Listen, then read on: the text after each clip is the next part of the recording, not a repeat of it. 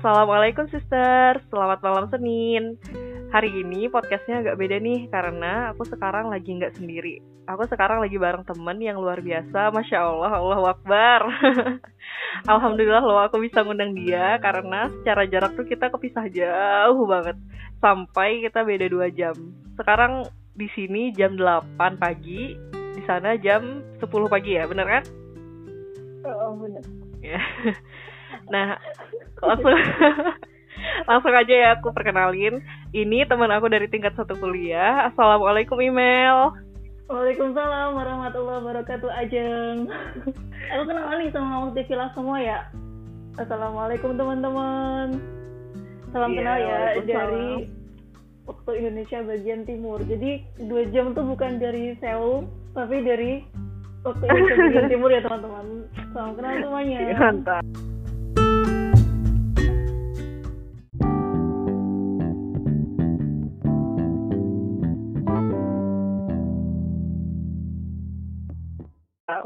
Jadi eh, hari ini aku sama email bakal main kartu. Hmm. Sebenarnya kartunya ini harusnya dimainin sama pasangan, tapi berhubung kita masih singleilah, jadi ya udah kita aja gitu yang main ya.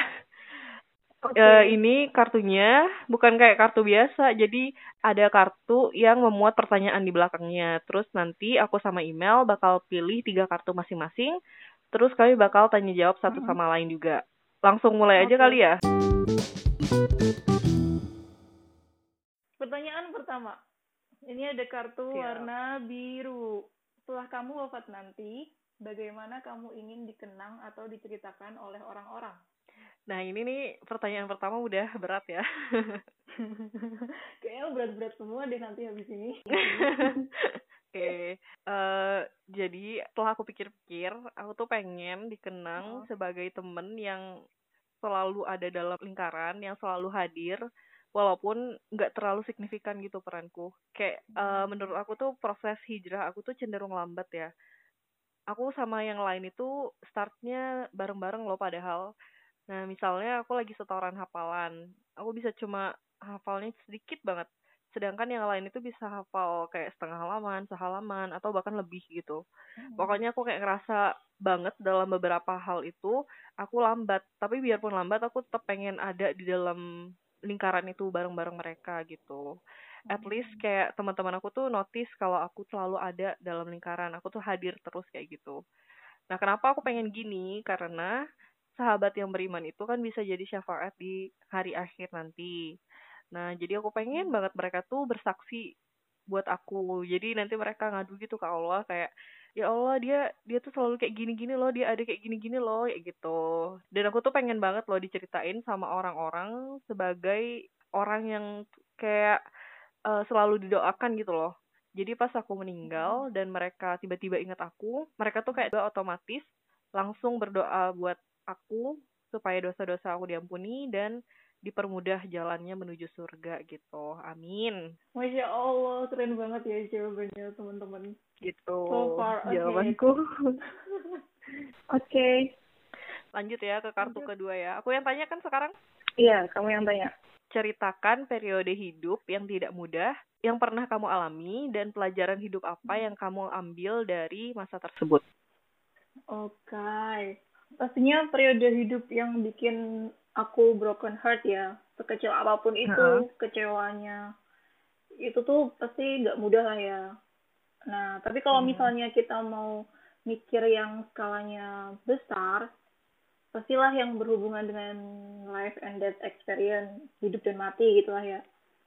Karena Hmm. kebetulan aku udah udah pernah nih ditinggal sama orang yang paling dekat sama aku yang Allah. one pokoknya nomor satu pokoknya paling dekat dan aku kalau ditanya tentang hikmah aku sebenarnya belum selesai mempelajari hikmah dari kejadian itu bahkan sampai Hmm. sekarang kayak gitu.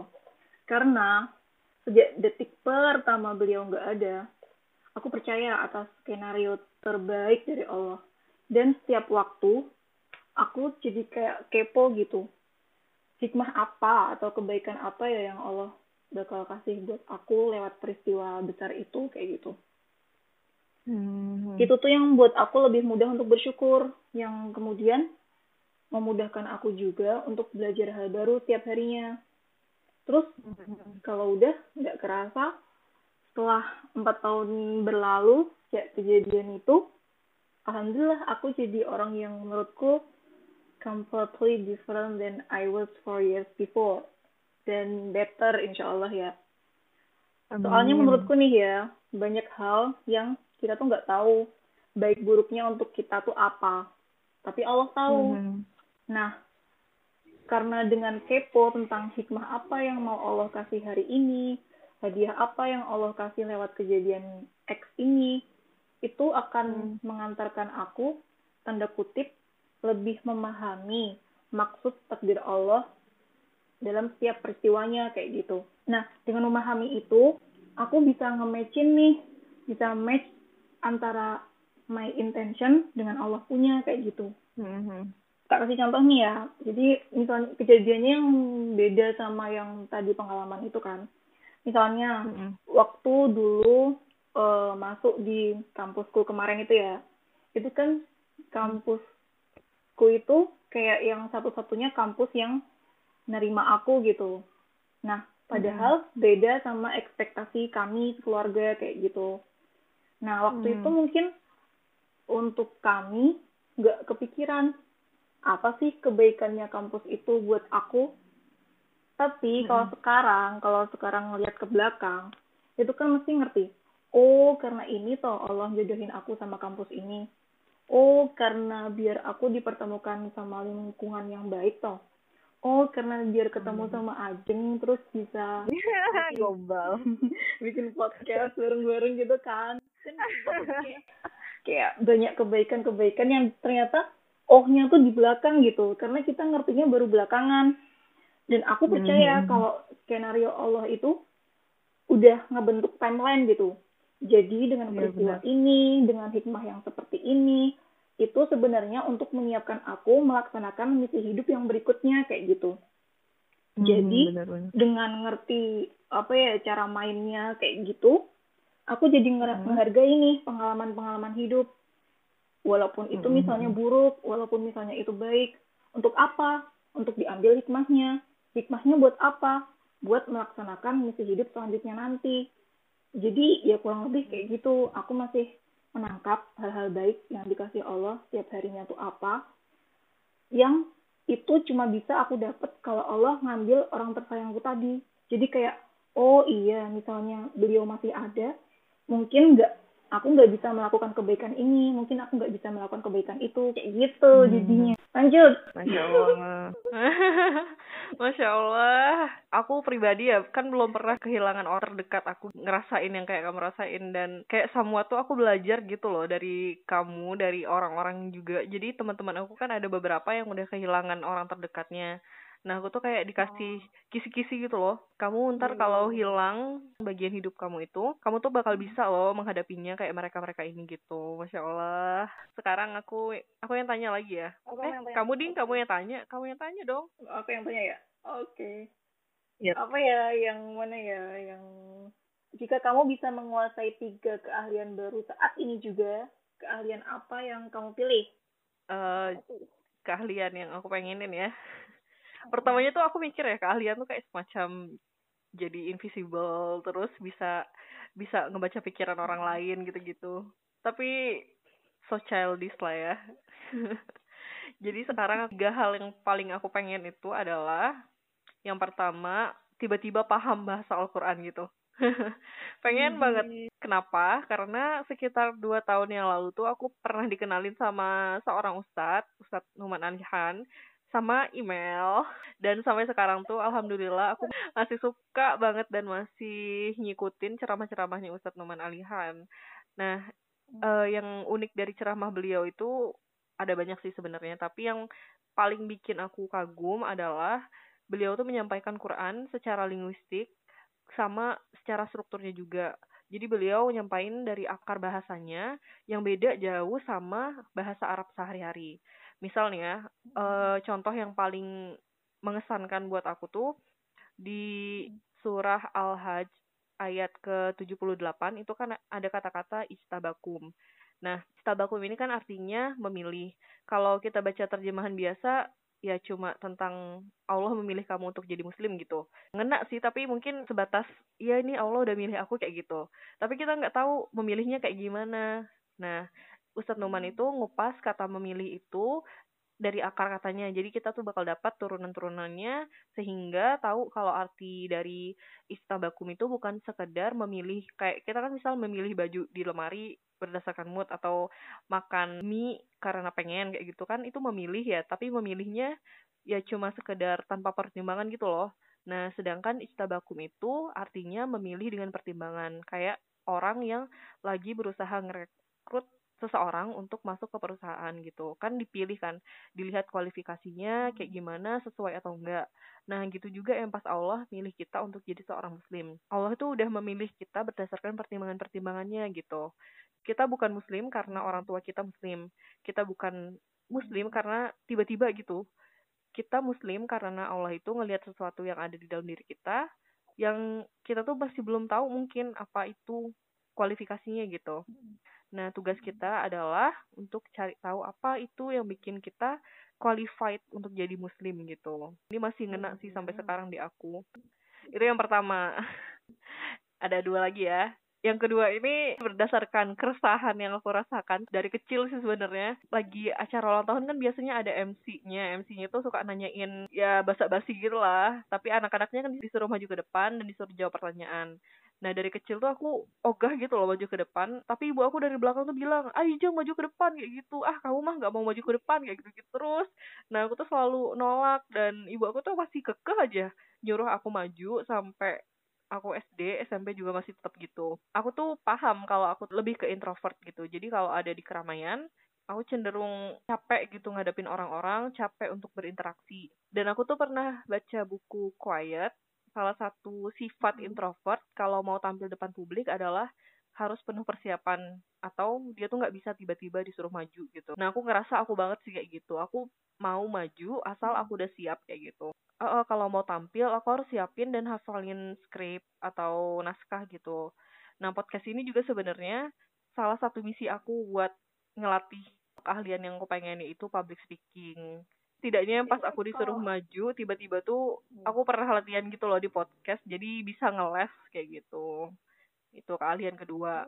Pengen jago public speaking. Ini yang ketiga nih. Yang ketiga juga berangkat dari keresahan yang aku miliki. Banyak ya resahanku uh, jadi keresahan yang iya itu aku suka nggak konsisten. Jadi misal aku mulai satu project uh, yang mengharuskan aku upload postingan di salah satu platform medsos. Nah awalnya itu aku pasti seneng banget, semangat banget, dan bisa aja tuh seminggu bisa tiga empat kali posting kayak gitu. Tapi makin ke sini tuh semangatnya makin pudar. Awalnya sepakan tiga posting jadi dua kali atau sekali sampai akhirnya tuh berhenti posting kayak gitu. Dan itu tuh kejadiannya beberapa kali. Tapi sekarang kayak aku udah mulai bisa menganalisis, menganalisis kayak analisis hmm. kenapa sih aku sebenarnya kayak gitu? Nah aku ngelihat karena di awal itu pasti polanya aku tuh semangat banget dan makin ke ujung tuh makin pudar dan aku tuh kayak ngeset target terlalu tinggi di depan jadi kayak terlalu berat buat dibawa ke belakang-belakang kayak gitu. Nah sekarang aku coba untuk set target yang lebih ringan tapi tetap challenging gitu loh. Uh, dan kalau aku udah cukup konsisten aku tambah lagi bebannya tambah lagi kayak gitu dan sejauh ini aku kan coba di kehidupan sehari-hari ya alhamdulillah cukup bantu terus kok buat konsisten nggak cuma ngerjain project tapi juga dalam kayak amalan ibadah ataupun pekerjaan gitu Oke. Okay. Oke, lanjut ya. Aku yang tanya sekarang. Apa hal yang paling kamu hargai dalam sebuah persahabatan? Hal yang paling aku hargai dalam sebuah persahabatan adalah doa karena itu adalah menurutku itu kayak hmm. pemberian yang paling efektif dan yang bermanfaat yang bisa dikasih seorang sahabat ya enggak sih mm, jadi bener -bener. kayak yang tadi aku bilang tadi kita tuh nggak tahu apa yang terbaik buat kita kayak gitu kan apalagi mm. orang lain gitu kan ya mm. tetap sebagai sahabat pastinya tetap di berusaha membantu gitulah ya karena tupoksi manusia adalah berdoa dan berusaha jadi tetap dibantu hmm. dibantuin dan didoakan nah yang yang aku utamakan di sini adalah didoakan karena uh, menurut aku itu penting banget jadi mungkin buat teman-teman yang mungkin belum kesampaian ngerasain rasanya mungkin mikir hmm.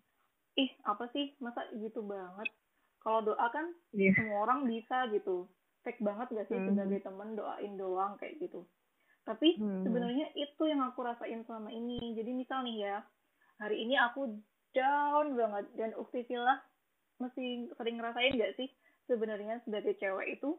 Kadang perasaan down, perasaan galau, terus perasaan yang ya, oh enggak banget. Itu kadang nggak ada alasannya gitu. Kayak kita tiba-tiba tiba-tiba nggak mood aja gitu. Nah kalau udah gitu kan jadi nggak produktif kan ya. Terus karena nggak produktif tadi datanglah masalah-masalah lain. Nah biasanya hmm. kalau aku udah cerita ke Ajeng terus dia doain aku, ya iya sih Aja emang, emang kata-kata dia yang mungkin bisa membuat aku lebih tenang dan oke okay lagi tapi lebih dari itu aku percaya kalau sebenarnya itu karena Allah yang dengar doa dia terus Allah ngasih jalan lah buat masalah-masalahku karena seringnya hmm. penyelesaian masalah itu nggak harus datang dari ajeng atau dari orang yang kita ceritain nggak sih? Tapi hmm. seringnya malah datang dari arah yang nggak terduga-duga kayak gitu. Kalau udah kayak gitu kan Bener. walaupun misalnya bukan Ajeng yang bantuin tapi dia tetap dapat kredit pahala dari doanya ya nggak sih? Nah iya benar contoh lain lagi itu sebenarnya kita kan sering ya apa ngasih semangat gitu pagi-pagi misalnya. Semoga hari ini berkah buat kita amin kayak gitu. Iya sering banget ya kita ya. Gitu iya kan? Nah walaupun setelah itu kita harus menghadapi kerjaan yang menguras lahir batin cie dari temen tadi itu yang selain sebagai penyemangat jadi kayak reassurance gitu kalau buat aku. Kalau kita tuh mm -hmm. ada yang nemenin lo di Indonesia bagian ujung sana kayak gitu terus iya bener selain reassurance kalau ada yang nemenin juga kayak reassurance kalau at the end of the day kita bakal dapet mm -hmm. apa yang insya Allah Allah janjikan nah yang kata orang yeah. lelahnya lillah itu kan kita ngarepin mm -hmm. sesuatu yang yang pasti sih karena janji Allah itu pasti kan tapi belum kelihatan wujudnya nggak sih kayak yeah. ngarepin pahala dari Allah ngarepin ridho Allah dan akhirnya ngarepin surga Allah nah keberadaan teman yang tadi itu kayak wujud nyatanya dari reward yang bakal kita dapat. Kayak spoiler gitu loh ini loh temanmu yang insya Allah bakal nemenin kamu di surga kalau kerjanya nanti ikhlas kayak gitu. Jadi kayak uh, iming-iming gitu lah. Mm-hmm. sebenarnya nggak harus teman sih mungkin tiap orang beda. Tapi ya gimana mungkin ajeng buatku itu kayak Abu Bakar buat Rasulullah sih buat kayak Nabi Harun buat Nabi Musa kayak gitu pokoknya yang jadi sahabat gitu lah Ih, aku malu udah kayak gitu jawabannya lanjut apa yang membuat suatu hari menjadi terasa sempurna untukmu uh, kalau menurut aku tuh satu hari jadi sempurna kalau pagi aku tuh dimulai dengan baik. Panjang hari itu hmm. aku ngerasa bergantung sama gimana aku start di pagi harinya. Mulai dari bangun pagi, hmm. terus beresin tempat tidur, terus tahajud, ngaji, hmm. subuh, on time, terus baca buku, dengar kajian, sholat duha, alamat surat, banyak kan rutinitasnya itu Nah, jadi kalau aku ngerjain komplit itu rasanya kayak aku ngejalanin suatu hari itu bisa aja gitu. Walaupun ada kejadian-kejadian yang gak menyenangkan atau aku punya masalah setelahnya, aku ngerasa kayak yang aku lakukan di depan itu udah menguatkan aku, udah nguatin mental aku gitu. Tapi hmm. kan kalau melihat dari kenyataannya sebenarnya nggak semua pagi bisa aku lakuin sekomplit itu. Ada aja yang bolong kayak misal duhanya bolong atau nggak tahajud. Nah kalau udah bolong biasanya sih bisa-bisa aku aja gimana cara bayarnya. Kadang aku kasih hukuman buat aku sendiri kadang juga aku kasih reward. Nah kenapa reward? Padahal kan aku lagi ini kan lagi nakal gitu ceritanya kok malah dikasih reward gitu? Mm -hmm. nah karena kadang itu misal karena bolong sholat duha terus kebetulan urusan hari itu nggak lancar terus aku nyalahin diri sendiri nih. Nah ini nih karena kamu nggak hmm. sholat duha nih tadi pagi makanya kacau begini. Padahal kan sebenarnya nggak tahu hubungan antara ibadah dan kesulitan yang kita alami kan. Nah kalau udah ada tanda-tanda aku nyalahin diri sendiri biasanya aku kasih reward buat aku sendiri misalnya pakai es krim dan paling seringnya tuh pakai es krim emang. Soalnya itu solusi yang paling gampang dan murah. Jadi aku ngasih diriku sendiri es krim malam-malam makan es krim jadi besok pagi tuh bangunnya lebih oke okay aja gitu. Oke. Okay. lanjut ya. Hmm, lanjut. Pertanyaanku apa yang kamu rasakan tentang pekerjaanmu akhir-akhir ini? Nah ini nih kan kamu baru masuk kerja kan? Aku juga sih baru enam bulan ya gimana iya. gimana nah iya nih ukti-ukti semua karena kita pekerja baru jadi baru pemula jadi kayak sekarang nih kayak masih fase belajar kan fase belajar banyak hal jadi kayak gak cuman hal-hal secara teknis pekerjaan ya tapi juga masalah hati hmm. dan perasaan karena kan belajar gimana caranya ngolah biar nggak cepet baper kalau misalnya ada masalah dan lain sebagainya kayak gitu kan jadi hmm. aku merasa pekerjaan untuk akhir-akhir ini untuk sementara ini ya itu masih faktor nomor satu yang mendewasakan aku saat ini. Cie, kayak gitu lah pokoknya. Nah, nah. terus kamu ngatasinnya gimana kalau emang ada masalah sama pekerjaan? Atau kan biasanya kadang ya pekerjaan itu bisa masuk ke hati gitu loh. Jadi awalnya kan pekerjaan itu hmm. bukan masalah emosi tapi tiba-tiba jadi masalah emosi karena kita ngerasa sebel atau marah kayak gitu Nah, kamu biasanya gimana cara ngatasinnya? Sebenarnya kalau aku nggak ada cara khusus sih, jadi mesti ya diem aja orangnya. Aku orangnya diem gitu kan. Tapi uh, yang ngebantu sih sebenarnya sholat sih menurutku. Walaupun aku nggak sholat secara khusus gitu habis marah atau sholat gitu enggak juga sih. Tapi kayak mm -hmm. misalnya tengah hari kan ada break itu, ya itu yang mm -hmm. kayak emang sholat itu ngaruh banget kayak recharge gitu kan, bener-bener yang tadinya habis marah-marah terus kalau misalnya kita oh iya kayak inna salati wa nusuki wa mahyaya wa mati lillahi rabbil alamin. Oh ya ini buat buat Allah gitu sabar. Sabarnya ke recharge lagi ntar jadi sabar lagi kayak gitu. Kayak gitu sih nggak ada yang khusus sebenarnya. Alhamdulillah ya kita udah selesai tanya jawab. Semoga menyenangkan semoga enak di telinga. Jadi akhir-akhir ini kita udah jarang ngobrol ya karena jarak juga karena waktu hmm. karena beda dua jam. Uh, beda dua jam. Jadi waktunya tuh kalau mau nelpon suka nggak nggak pas aja gitu. Nah alhamdulillah bisa ngobrol lagi setelah sekian lama dan ngobrolnya alhamdulillah yang berbobot ya. Uh, semoga apa yang kita obrolin itu bisa bermanfaat ya buat sister-sister yang dengerin. Doain juga ya buat email semoga dilancarkan urusannya semuanya akhirat dunia Amin. Uh, dan semoga sisters juga dilancarkan ya, semoga berkah juga persahabatannya, semoga yang lagi deket sama sahabatnya bisa quality time banyak-banyak gitu sebelum dipisahkan. Oh ya, ya, kamu mau pamit? Enggak, kamu aja deh. Oh, aku aja. Jangan tadi penutup. Oke. Okay. Assalamualaikum. Ya udah, dadah email. Dadah aja, terima kasih banyak udah ngajak aku yeah. buat nulis love letter. BTW, langsung aja ya aku tutup ya. Uh, sampai jumpa di mana ya? Sampai jumpa di pekan depan insyaallah amin. Dadah sister